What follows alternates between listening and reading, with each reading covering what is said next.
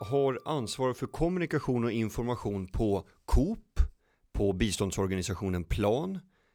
Nio år på Absolut Vodka, visst var det så? Mm. Ja. Eh, och sen också ansvarig för kommunikationen för det som idag är Volvo Ocean Race. Men de började som reporter i Västerås på VLT. Mamma och syrran kom in på journalistutbildning, men det gjorde inte du. Men det, men det gick bra i alla fall, som du brukar heta i sagan. Eh, Marika Hjelm Sigvard, som idag då är kommunikations och insamlingschef för Stockholms Stadsmission. Välkommen till programmet. Tack. Eh, hur, hur, hur gick det där till just när du sökte till journalistutbildningen både med mamma och sen med syrran? Ja. Båda kommer in och inte du. Jag tänker så här att jag nog inspirerade dem att söka. Eh, Jag själv började som sommarreporter på Västmanlands Läns Tidning när jag var 18 år. Efter tvåan på gymnasiet fick jag börja där. Och jättespännande och lärorikt och nyttigt och bra. Och fantastiskt att jag fick den chansen. För det är väldigt få, det var ju mest Eh, praktikanter från Journalisthögskolan som fick komma på sommar, som sommarreporter.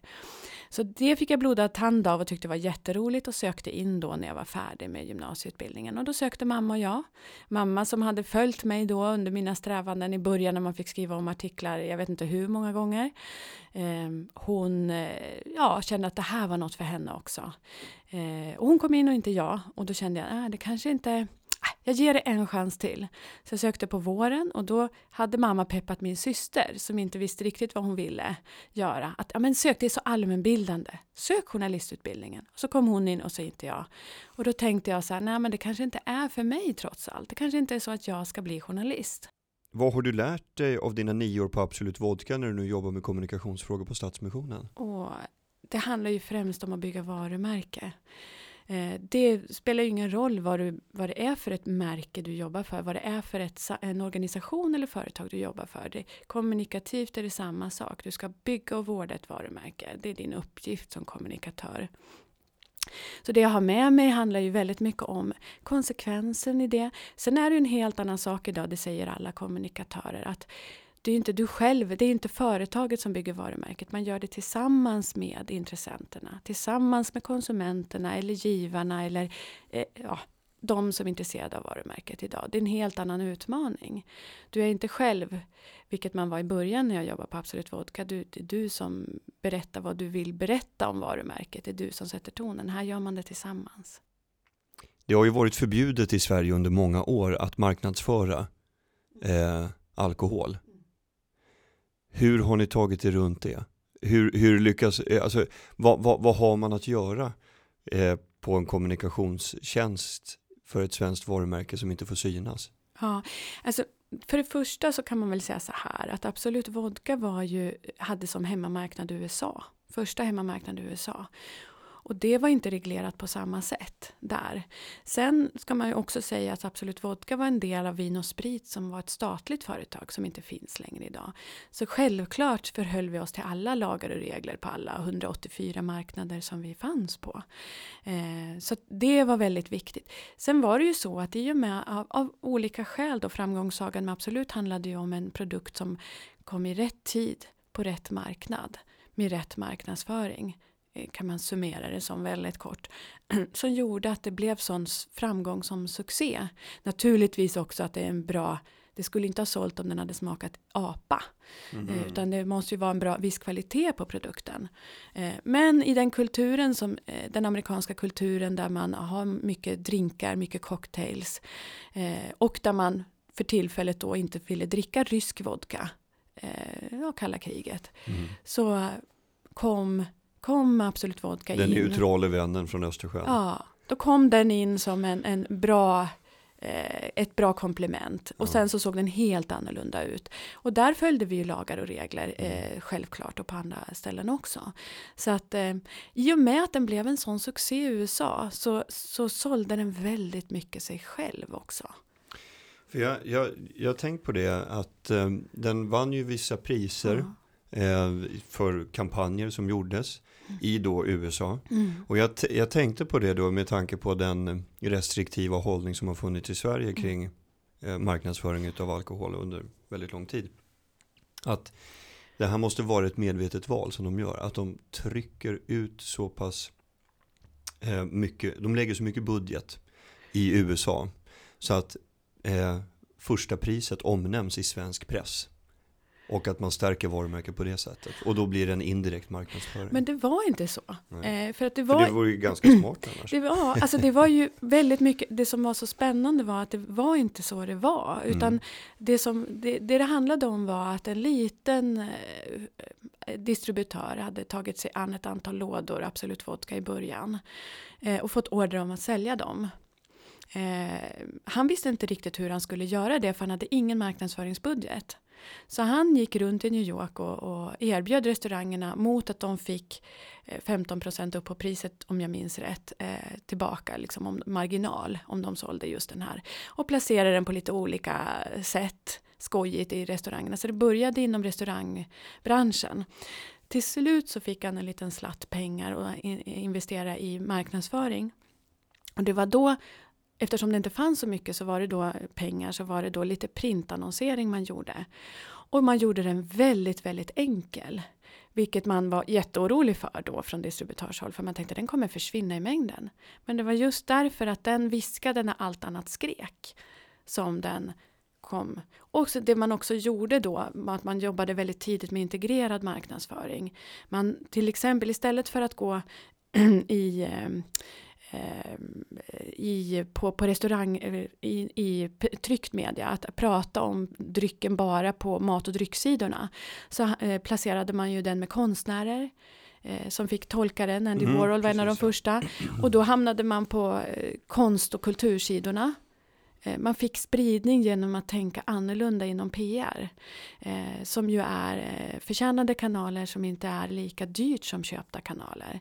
Så man hade, det var inte så att man tryckte ut produkten utan man var väldigt förnulig med den lilla pengen man hade.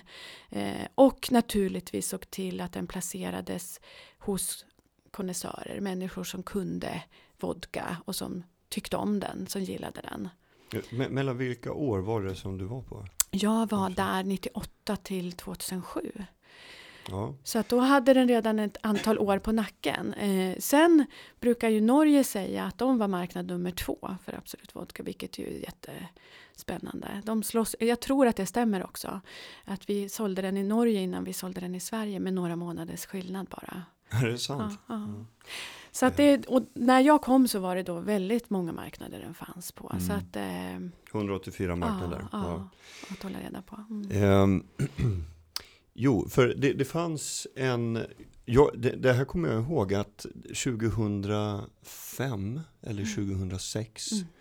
så var det möjligt att eh, som relativt ung person mellan 21 och 23 Mm. kunna söka jobb som ambassadör för Absolut Vodkas varumärke Ja, och, och eh, turnera runt på olika barer ja, med ett eh, kort och kunna liksom bjuda folk på. Jag, jag kommer inte riktigt ihåg exakt hur det var.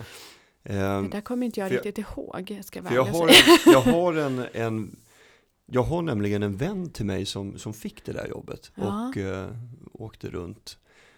Ja, det var Eh, inte dela ut drinkar gratis, för det fick man inte göra. Nej men det var ju i Sverige. USA alltså. Jaha, ja. Ja, det fick man nog göra i USA. Ja, Man, får, man ambassador, det. eh, Ambassador- Academy Ambassador. ambassador Ja, ja. I, för, ja, exakt. Det var, Mm. alltså tjänsten var förlagd i New York, men man rekryterade från Sverige. ja, jo, eh, jag, jag har svag, eh, jag ska inte säga att jag vet exakt, Mm. men, men det tror jag nog att vi gjorde vid något tillfälle. Ja.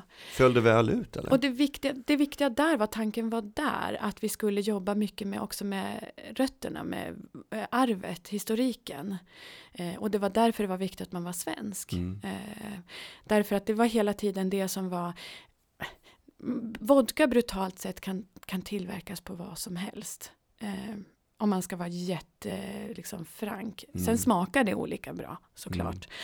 Medan vi vill ju då framhålla vår kvalitet, svensk tradition, eh, att man hade producerat vodka väldigt, väldigt länge i Sverige eh, och, och att det bara kunde komma från Åhus. Och då var det viktigt att man hade tillbaka till rötterna sina brand ambassadors tror jag faktiskt att de hette. Mm. Eh, de som var ute där i USA.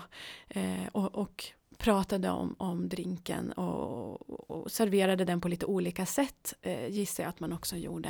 Mm. Vi märkte också att Eh, det var under en tid då vi märkte att eh, marknadsföringen hade blivit lite grann som eh, tapeten på väggarna. Man såg den inte. För den hade varit så länge. Så vi letade också efter eh, nya uttryck. Och, och, tog fram en ny kampanj under den här tiden. Jag tror 2006 lanserade vi en ny kampanj i USA.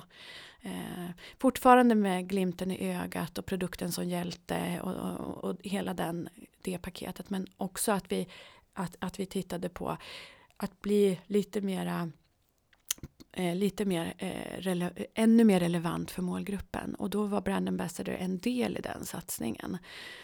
Och om, som jag minns det rätt, i mixen så funkar det bra. Det går ju inte att göra saker liksom one-off på en sån stor marknad, utan man måste ha en helt batteri av marknadsföringsaktiviteter.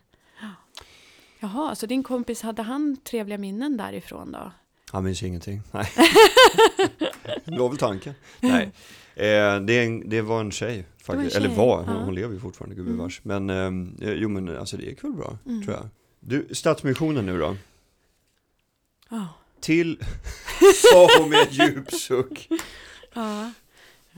Jag skulle aldrig ha berättat. Nej då. Vadå, vodka? Nej, jag skämtar bara. Ja. Nej, men det är självklart. Men så där är det, vet du, när du, Nej, när det... du sitter mitt emot en journalist. Ja. Du, eh, eh, eh, Stadsmissionen. Till vilka går pengarna? De går till deltagarna i verksamheten, inte direkt såklart, de går till våra verksamheter som arbetar med deltagarna eh, och som gör de här olika delarna för att vi kortfattat kan man säga, människor som lever i utsatta situationer i Stockholm. Eh, allt från barn till eh, äldre människor. Det kan vara allt från att man är hemlös till att man riskerar att bli hemlös, att man har stora ekonomiska problem, att man är utestängd från arbetsmarknaden, ja, att man har svårt att få ekonomin att gå ihop på olika sätt. Vi jobbar med dem i 50 olika verksamheter kan man säga i Stockholm. Eh, och pengarna går till våra verksamheter. Sen har vi en del verksamheter som finansieras av offentliga medel också. Eh, där Stockholms stad går in till exempel och akutboende som vi har i, i Stockholm också som de finansierar. Är situationen mer ansträngd för er nu? Nej, det tycker jag inte. Det som var, eh, en, som var oväntat för alla ideella organisationer det var när vi fick den stora flyktingströmmen hit i höstas. Då var det ett tag där vi var eh, eh, Eh, uppe på högvarv och övriga organisationer, nu är vi väldigt små, men de stora var i stabsläge, eh, det vill säga man, man är liksom i krisläge eller vad man ska kalla det för, jour hela tiden. Eh, vi är ju så få så vi, vi kan inte liksom, vi är i jourläge allihopa eh, om någonting eh, sånt händer av den storleksordningen. Eh, så vi startade på, faktiskt på 48 timmar, ett, som då var ett transitboende på uppdrag av Stockholms stad. Och det var en, en, det var en hetsig och stressig situation. Eh, men sen så har vi ju, eh, eftersom vi får ta befintliga resurser, människor som jobbar på andra boenden hos oss eller andra verksamheter hos oss får gå in och vara verksamhetschef, verksamhetsledare och, och vi behövde rekrytera massor av volontärer och ja, helt ny uppgift för oss egentligen. Vi har ju eh, verksamhet för eh, flyktingar redan men inte ett boende. Det har vi inte haft tidigare. Jo, vi har ensamkommande flyktingbarn som vi har boende för men inte, inte familjer. Ännu hade vi inte det i höstas. Så det var en, då var det stressigt. Kan, kan du se en konflikt mellan att vara både kommunikations och insamlingschef för Stadsmissionen? Nej, egentligen inte. Det tycker jag inte. Eh, därför att jag vet ju att eh, pengarna går till ändamålet. Det är det som är så bra med en, en eh, lokal organisation. Jag vet exakt vart pengarna kommer in någonstans. Jag är med och bestämmer om det. Eh, och jag kan dessutom som kommunikationschef driva opinion i frågor som är viktiga för att se samhällsförändring. Och det gör vi ju inte för att vi ska få mer arbete. Vi vill ju helst att vi inte behövs. I det bästa av samhällen skulle Stockholms Stadsmission inte behövas. Men nu ser det ut som det gör. Hur länge har ni funnits? Vi har funnits i mer än 160 år. Ja, du ser. Ja, så att, eh, mm. Hur mycket fick ni in förra året, 2015? Ja, vad fick vi in? Vi hade en insamling på, nu har jag inte exakt, jag undrar om det var 128 miljoner vi Mm. samlade in. Jag tror det. ehm, eh, förra året. Och då fick vi in ett, ett fantastiskt arv också Mhm. eh, i den summan. Vilket är otroligt glädjande. Får du och- berätta från vem? Nej. Men det är från en privatperson ja, eller? Ja. Mhm. Och det händer ibland, eh, och vilket vi är oerhört tacksamma för eh, att, att så sker. Ehm, Och det betyder också, tänker jag, att man ehm, som vanlig människa, för att det här, vi har ju tittat lite grann på de som har testamenterat till oss och ser att det här är inte människor som är rika i, i, men, i allmänhet, utan det är människor som av en eller annan har inga arvingar och ser att det här behövs i samhället. Jag vill stötta och de kan stödja andra organisationer också som jobbar med social verksamhet. Hur mycket var det här arvet på? Det minns inte jag men det var stort. Ja. Ja, det var stort. Hur, hur skapar man, om det nu, om empati nu är målet, det, Mm. där får du gärna rätta mig om, Mm. om jag har fel, men hur skapar man kommunikation som väcker empati? Det han, det- jag tror att det handlar om lite olika saker. Insamlande kommunikation, eh, varför vill man ge är ju liksom huvudfrågan här. Och det handlar om, all forskning tyder på det här, eh, det handlar om två saker. Den ena saken är att man, det faktiskt är så att man mår bra av att ge. Att man har i studier kunnat spåra det i hjärnan, se att när man ger så den belöningsdelen i hjärnan tickar igång när man ger. Så det är en del, man mår bra själv av det. Och sen vill man göra en insats. Eh, man vill hjälpa andra. Och det är ju ett mänskligt drag som, som jag tycker är jätteviktigt. Utan det känner jag att vi egentligen inte har ett samhälle. Om man inte vill hjälpa varandra då kan man ju leva var och en i sin egen lilla kula. Men nu har vi ett samhälle eh, som där, vi, där vi förväntas hjälpa varandra och stötta varandra. Och då att, att driva insamling till olika ändamål är egentligen inte så komplicerat. Eh, utan det gäller att känna vad är det du vill hjälpa till med. Det kan ju vara andra saker. Det behöver inte vara det jag jobbar med. Det kan Men, vara men vad annat. menar du? Att det, det inte är svårt att, att kommunicera? Det- Att det är lätt att, att få folk att ge till er? Jag ska inte säga att det är lätt att få folk att ge, men i och med att det är så att de- gemene man egentligen vill ge, vill hjälpa till. Sen handlar det om det jag kommer till nu är, det kan vara svårt att göra kommunikation för Stockholms Stadsmission därför att alla människor vill inte ge pengar till social verksamhet. Nej, det Men det jag är en annan- på. det är en annan för, sak. tänker, det Men hjälpa andra, utgångspunkten- men Utgångspunkten att jobba för en ideell organisation och driva insamling är inte så svår som man kanske tror. Sen kan man också se det att insamlande organisationer ökar insamlingen från år till år. Har vi sett under en mängd år. Så att allting tyder på, från början var det väl så här, kan man säga så här att en gång i tiden så tänkte gemene man att samhället ska klara det här. Jag betalar skatt. Det här behöver inte något annat, det här behöver ingen annan finansiera. Eh, jag behöver inte gå in som privatperson och, och hjälpa till med det här. Men idag så vet man att samhället kan inte klara allting. Och därför så prioriterar många att, att ge till olika organisationer. Sen är det inte så att man bara ger till Stockholms Stadsmission, det ser vi i alla undersökningar, utan man ger till andra också. Så att det, det är inte så att man, man kanske ger till Läkare Utan Gränser, man kanske ger till, eh, ja, man väljer sina organisationer men man ger till flera när man, när man ger. Sen är det ju givetvis så att tittar vi på unga människor så har ju inte de så mycket pengar. De studerar eller de gör annat, men de kan komma in som volontärer och där har vi ju sett en enorm ökning. Att väldigt många vill jobba som volontärer, Vad tror du att det beror tid. Det tror jag beror på, dels tror jag det beror på att man vill vara med och påverka mer än vad man kanske känner eh, som ung att man gör om man ger pengar. Sen har man inte pengar. Eh, så det är en drivande faktor. Sen att samhället ser ut som det gör. Man vill vara med, man är engagerad. Det är jag väldigt glad för att man bryr sig om samhället. Men var det samma toppar, kan man se en korrelation där? Att det var samma toppar ungefär under Bosnienkriget? Eller kriget i forna Jugoslavien ska jag säga. Ja, det vet inte jag, för jag 92, jobbade 93 inte, jag jobbade inte med, eh, med insamling då, så jag Nej, har inte tittat tillbaka på det. Men, men generellt sett så ser, man, så ser vi ju ingen... Vi, vi ser ju ständigt ökande insamlande, att vi samlar in mer och mer pengar, ideella organisationer i Sverige. Ger du pengar till folk som... Ja. Om det kommer fram någon till dig och behöver pengar. Ja, och jag tänker, jag tänker så här när det gäller sånt. Att var och en får ta sin eget beslut i de här frågorna. Jag gillar inte riktigt det här som man gick ut med från regeringens sida. Att man ska, till exempel när det gäller romer, man ska bara ge till organisationer som verkar i Rumänien och Bulgarien. Jag tycker inte man ska tala om för folk hur de ska göra. Utan det får var och en själv bestämma. Vill jag ge, ja eller nej?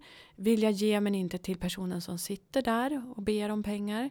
Ja, vill jag göra det så ska jag göra det. Vill jag ge, hellre ge till en organisation som jobbar eh, med och för personerna som är utsatta så ska jag få göra det. Det tycker inte jag att vi ska lägga oss i och gå in och peta i. Eh, hur, hur vet du att du lägger pengar på rätt grejer när du ska kommunicera?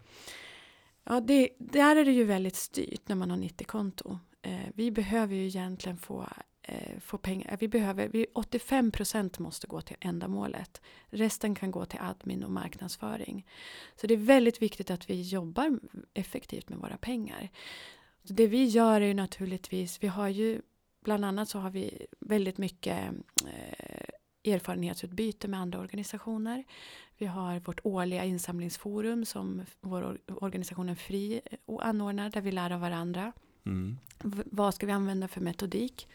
Vad ska vi jobba med för verktyg? Um, och sen handlar det väldigt mycket om att för oss handlar det väldigt mycket om att vi får in människor som ger varje månad. Eh, inte en gång bara utan ger som månadsgivare. För då får vi möjlighet att bygga en mer stabil finansiering för våra verksamheter. Det vill säga att vi vet att vi har en viss pengar som kommer in varje månad. Men, men jag tänker, det, det, du har ju ett ganska schysst handlingsutrymme ändå. Under 2016 kommer du kunna lägga Ja, alla... ja, det där var 2014 siffror som jag gav dig. Jaha, det, ja. de här 128. Ja, ja. Nej, för, för, vi vet inte så... än vad, 20, vad 2015 ger. Ah, okay. ja, Nej, men jag än. tänker, det, det är ju ändå Ja, av 120, 18 miljoner kanske? Mm. Lite mer. Ja. Ehm, att lägga på ja, löner till er då, ja, löner måste vi ha och sen, ja. sen också eh, marknadskommunikation. För Men, sen gissar jag att du får väl ganska stora rabatter när du bokar. behöver du ens betala? Jo, det för, behöver vi. Men vi, vi, strävar hela tiden när efter alltid, att... Det, jag ska bara formulera frågan klart så att folk hänger med. Alltså att du får stora rabatter när du eh, till exempel när ni ska rulla ut en utomhuskampanj till exempel. Kan Clear Channel eller JCDK bjuda på det? Eh, de bjuder aldrig rakt av på eh, någonting. Så är det. Men vi får eh, väldigt höga rabatter. Den saken är klar. Eh, och sen kan det hända, vilket höll på att hända i, i höstas. Det är en kampanj som jag bara måste prata lite grann om. Eh, när eh, vi hade skrivit en debattartikel om en eh, en studie som har gjorts i tre länder om romer, om EU-migranterna och, och om huruvida, eh, som tar död på en, där man intervjuat 1200 migranter eh, och socialarbetare för att ta reda på om det var eh, till exempel människohandel. Eh, försöka ta reda på brottsligheten, om det fanns mycket brottslighet bakom och andra myter som finns kring, eh, kring detta med tiggeri och romer. Eh, och, och, den skapade enorm, eh, i SvD eh, publicerades den, den skapade en den fick en enorm uppmärksamhet. Ja, Svenska Dagbladet. Alltså. Ja, Svenska Dagbladet. Mm. Det var den mest klickade eh, artikeln har vi också fått reda på nyss. Eh, debattartikeln förra året. Det säger ganska mycket. Hade ni folk som åkte ner då till Nej, nej då. Den nej. forskningsrapporten var fristående. Nu ja, var jag lite luddig. Det var mm. en, en, fristående forskningsrapport som vi lyfte upp i debatten. För Aha. vi vill att man ska prata mm. utifrån fakta och inte prata utifrån tyckanden och tänkanden och, och allmänna fördomar. Eh, och den fick ju en enorm uppmärksamhet. Då blev vi kontaktade av ett av våra samarbetsföretag, God El, som ville göra en kampanj och köpa medieutrymme om medmänsklighet stå upp för de idealen. Eh, och då visste inte vi att eh, just i den vevan så hade Sverigedemokraterna gjort en kampanj i tunnelbanan på Östermalmstorg. Den kommer du säkert ihåg. Mm, eh, vilken av Du får gärna flasha upp Den som, som handlade om eh, Sorry for the mess. Eh, de skrev på engelska. I Östermalmstorgs tunnelbana? Ja, och hade en stor mm. panoramabild på just, romer. Just och då ville man lägga sig direkt efter eh, God del hade köpt medieutrymmet direkt efter eh, Sverigedemokraternas eh, och bjöd oss på det utrymmet att prata medmänsklighet. Prata om våra kärnvärden. Att alla människor är lika mycket värda. Att vi inte kan behandla människor som skräp i, i naturen eller förfulning av staden som det stod någonstans. Eh, och så vidare. Eh, och, eh, och så det, då, då, fick vi, då hade vi blivit bjudna på den kampanjen av god el. Eh, men sen sa ju SL nej eh, till att sätta upp den för, av säkerhetsskäl. Eh, för att den andra revs ju ner. Mm. Vad innehöll den då? Vår kampanj. Ja, för de måste ja. ju ha sett den innan de tog ställning till den. Ja, SL nej, de, alltså. tog in, alltså, ställ, de godkände innehållet. Mm. Men det var just det här med att den skulle sitta uppe på samma ställen som den tidigare kampanjen och man var rädd för att folk skulle klättra upp och riva ner den mm. och att göra illa sig. Mm. Ja. Okay.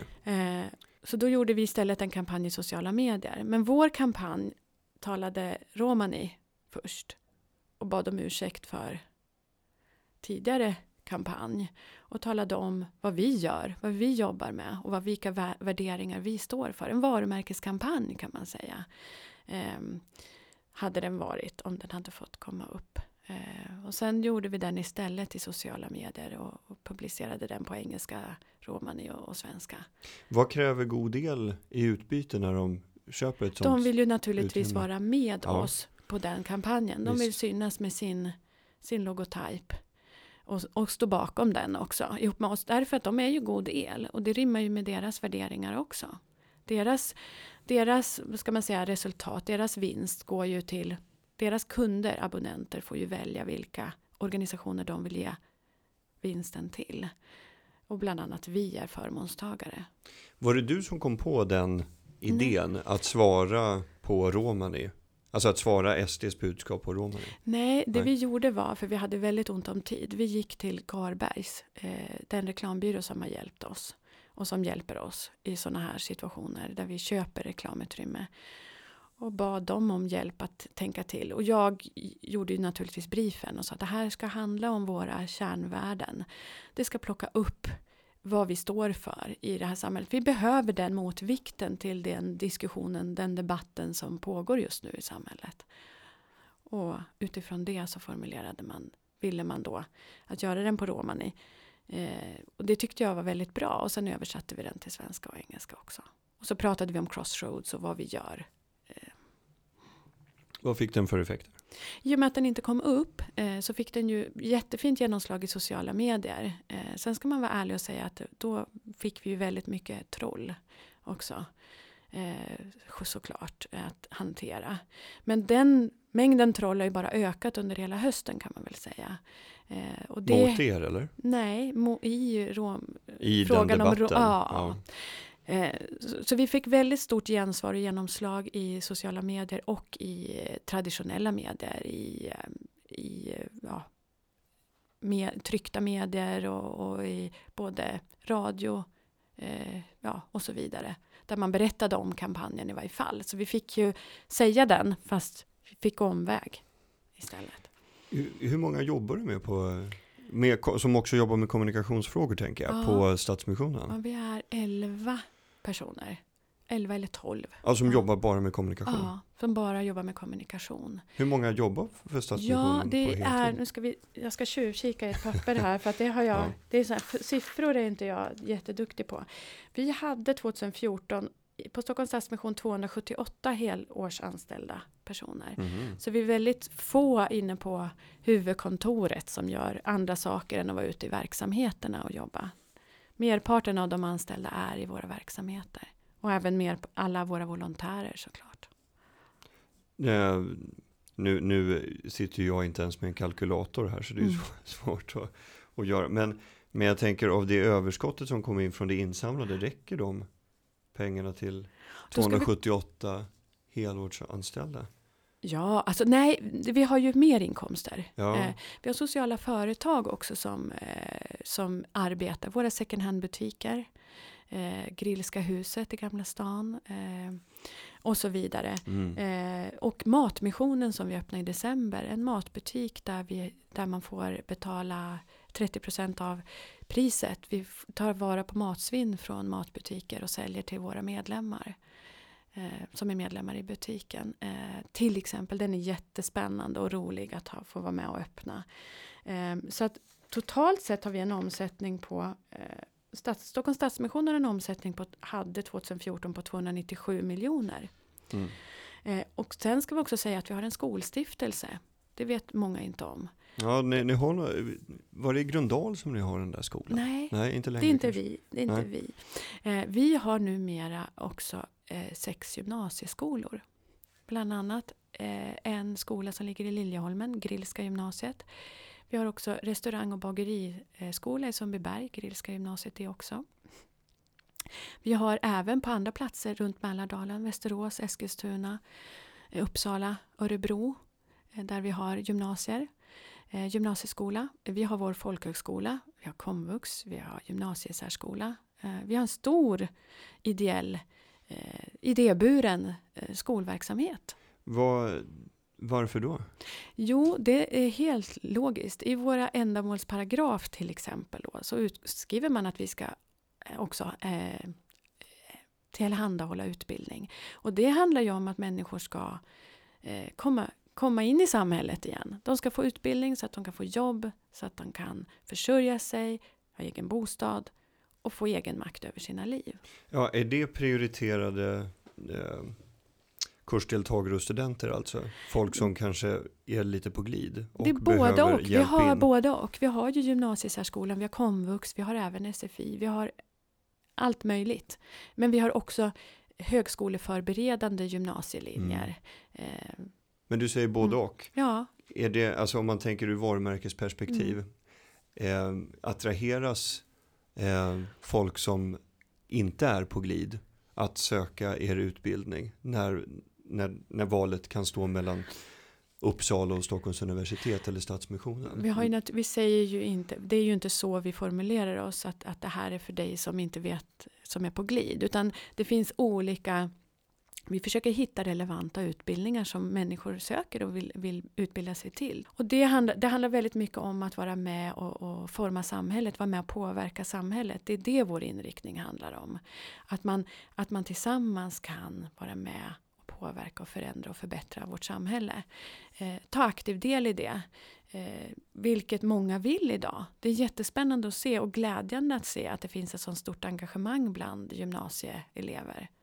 Bland annat så vill de gärna driva insamling själva och de vill eh, samla in kläder och allt möjligt sånt. Vilken marknadskommunikation skulle du aldrig göra? Eh, ja, ingenting som handlar om vapen.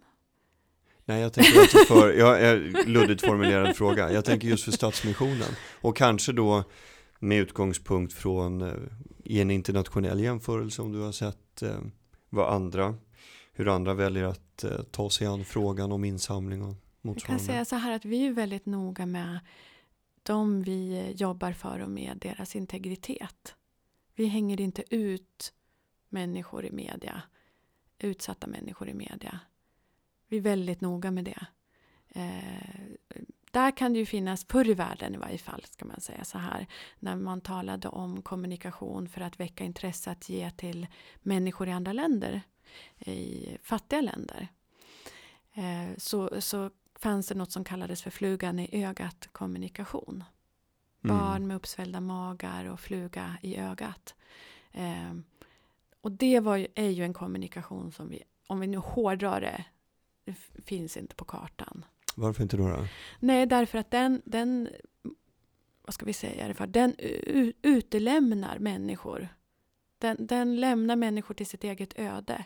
Den ger en, eh, den visar inte den respekt på och det människovärde som vi ser att varje människa har.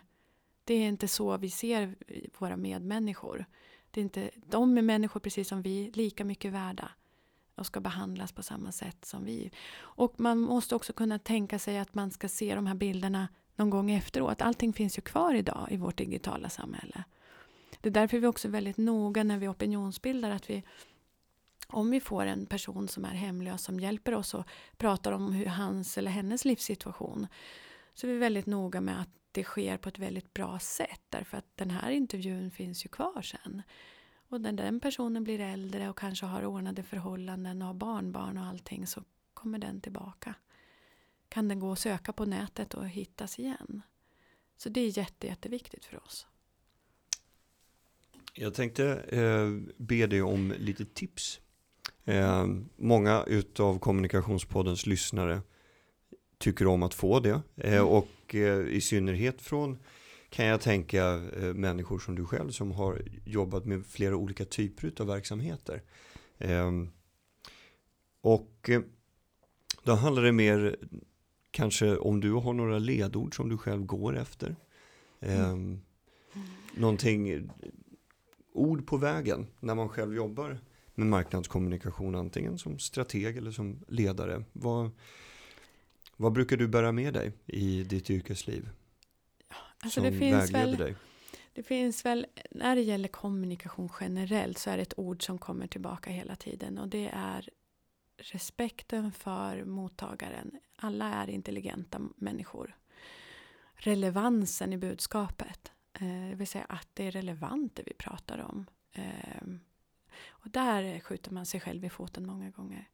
De två delarna tror jag är oerhört viktiga. Hur menar du att man skjuter sig i foten? Ja, att man tror själv att man är relevant, men man upptäcker att Ser man har... man inte det? Nej, man är inte det. Man, man har, efter en väldigt kort tid i sitt jobb så blir man inifrån och ut.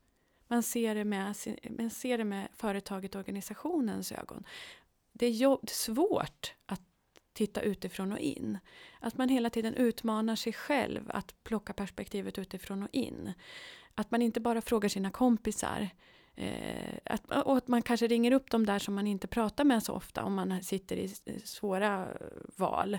Och säger liksom, vad skulle du tänka? Det kan vara någon som gör någonting helt annat. Vad tycker du om den här kommunikationen? Vad tänker du om det här?